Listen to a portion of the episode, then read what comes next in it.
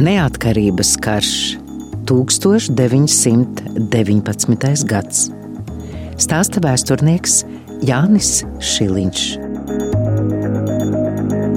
Pirms simts gadiem, 1919. gada 16. aprīlī, Liepājā notika bruņots valsts apvērsums, kura rezultātā tika gāzta Kārļa Ulmaņa vadītā Latvijas pagaidu valdība.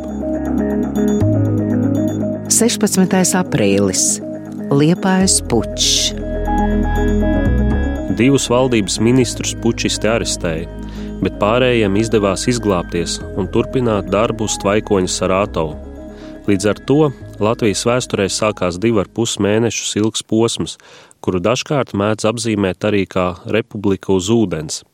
Jaundibinātās Latvijas valsts teritorija pēc apvērsuma bija sarukusi līdz kuģa klājam Liepājas reidā un dažiem igauņu karaspēku atbrīvotajiem pagastiem Ziemeļvidzemē. Pēc apvērsuma pagaidu valdības vietā varu kurzemē un zemgalē pārņēma organizācija ar visai dīvainu nosaukumu un bez jebkādas politiskās ietekmes - Dzimtenes frontes karaspēka drošības komiteja. Reti kuram bija ilūzijas, ka šīs izkārnes, tāpat kā vēlākais liepājas apgabala prokurora Oskara Barkovska un pēc tam aiz mācītāja Andrieva Niedras izveidotajiem ministru kabinetiem, īstenībā slēpās patiesais apvērsuma organizētājs Vācijas armijas ģenerālis Rīdgers Fondergolds. Pats Golds gan kategoriski norobežojās no galvenā pučista goda, Viņš, tāpat kā vēlāk Niedra, apvērsuma organizēšanā un īstenošanā vainoja karstasinīgos vācu baltiešu jaunekļus no Landesvēra triecienvienības, kuri bijuši neapmierināti ar Ulmaņa valdības darbu un tās plāniem sadalīt mužnieku zemes latviešu zemniekiem. Golds savās atmiņās raksta. Es pilnīgi sapratu viņu noskaņojumu, un Reika vāciešu vārdā varēja to tikai apsveikt. Vācijai bija jāiestājas par to, lai kaimiņu valsti nepārvalda ne bolševiki, ne ģermanofobi.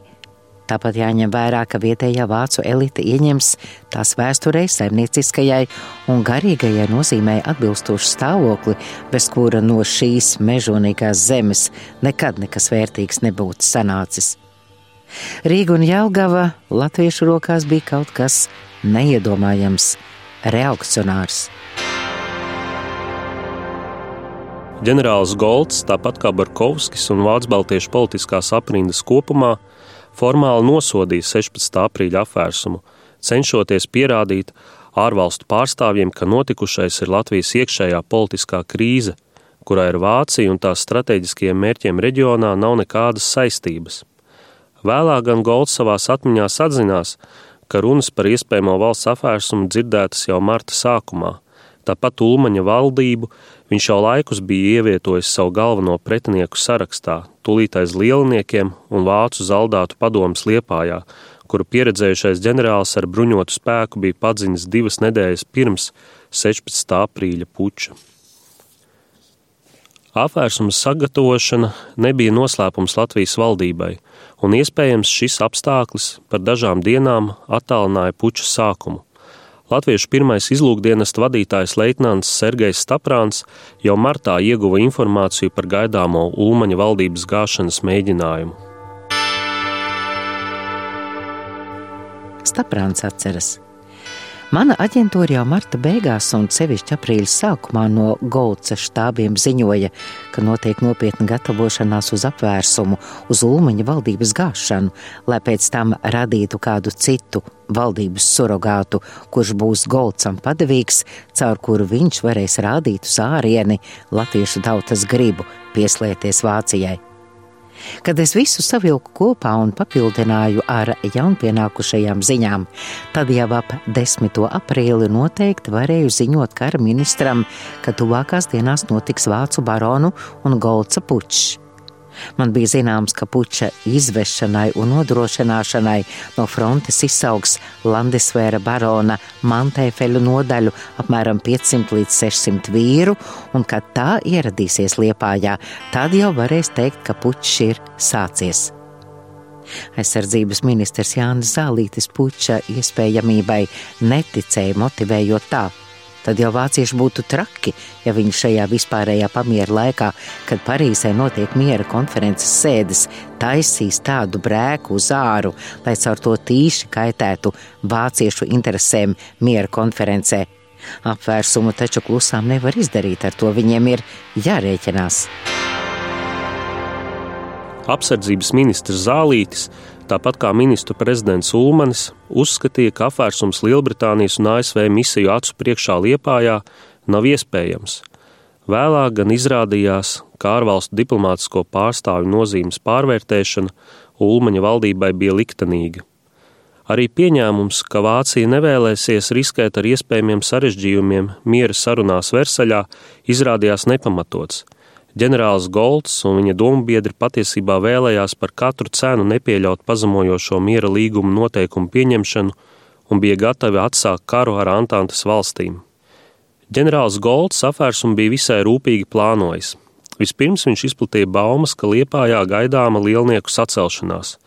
Tās nepieļaušanai pilsētā ievada spēcīgas Vācijas karavīru brīvprātīgo nodaļas, un no frontes atpūtā atsūtīja pieredzējušāko un radikālāk noskaņoto Vācu Baltiešu zemesargu vienību.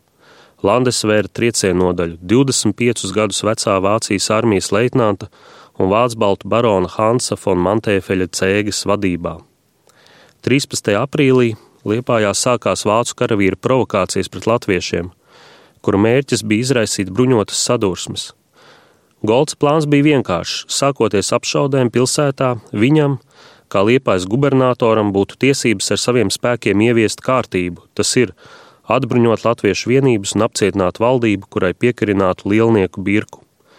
Tomēr latviešu karavīri uz vācu provokācijām neatbildēja, un tā ārkārtīgi saspringtā gaisotnē pienāca liktenīgais 16. aprīlis.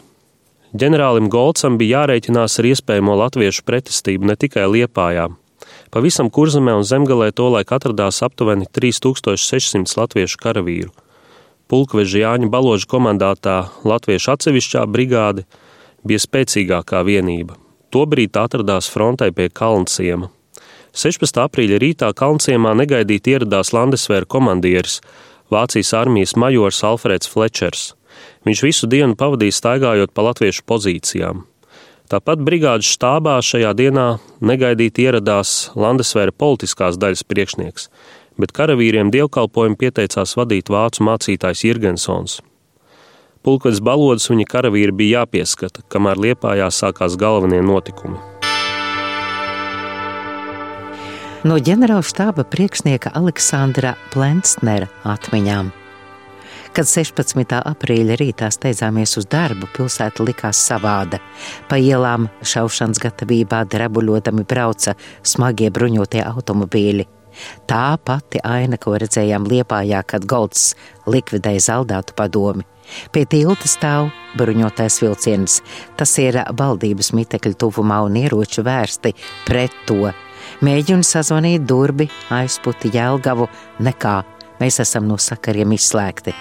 Eju pie ministru prezidenta ar ziņojumu. Satraukts iesteidzas jaunformējamo spēku priekšnieka adjutants Adolfs Bļodnieks un ziņo, ka viņu štābā iebrucis Fēfera bataljons nošāvis sarkarēvi un sākusies atbruņošana un arestēšana. Viņš izkļuvis un steidzies paziņot, kas notiek. Ejam pie ministru prezidenta, tas tūliņ saka, iesim pie grāfa, lai es paņemot vēl kādus pāris virsniekus līdzi un esot visi labi bruņoti. Tā mēs aizejam. Ministru prezidents Ulmanis, doktors Valters Pulkvedis Adienis, es, ministrijas komandants Bulle, Lūkins un Bļodnieks. Izejot ministru prezidents vēl noprasa, vai mums visiem ieroči klāt? Jā, pistoles visiem redzamas. Ap pulksten vieniem dienā Ulmanis ar pavadoņiem ieradās pie ģenerāļa Golca, kur asās, bet pilnīgi bezrezultatīvās sarunās pavadīja pusotru stundu. Šajā laikā vācu vienības veica valsts apvērsumu, uzbrukot latviešu karaspēku vienībām un valdības iestādēm. Pučisti nogalināja trīs latviešu sarkarējus un atbruņoja vairākus simtus karavīru. Pēc tikšanās ar Golcu Ulmanis ātrā solī steidzās uz Lielbritānijas misijas telpām. Ulmanim izdevās izglābties, bet vācieši arestēja iekšlietu ministru Miķeli Valteru un apgādības ministru Jāni Blumbergu.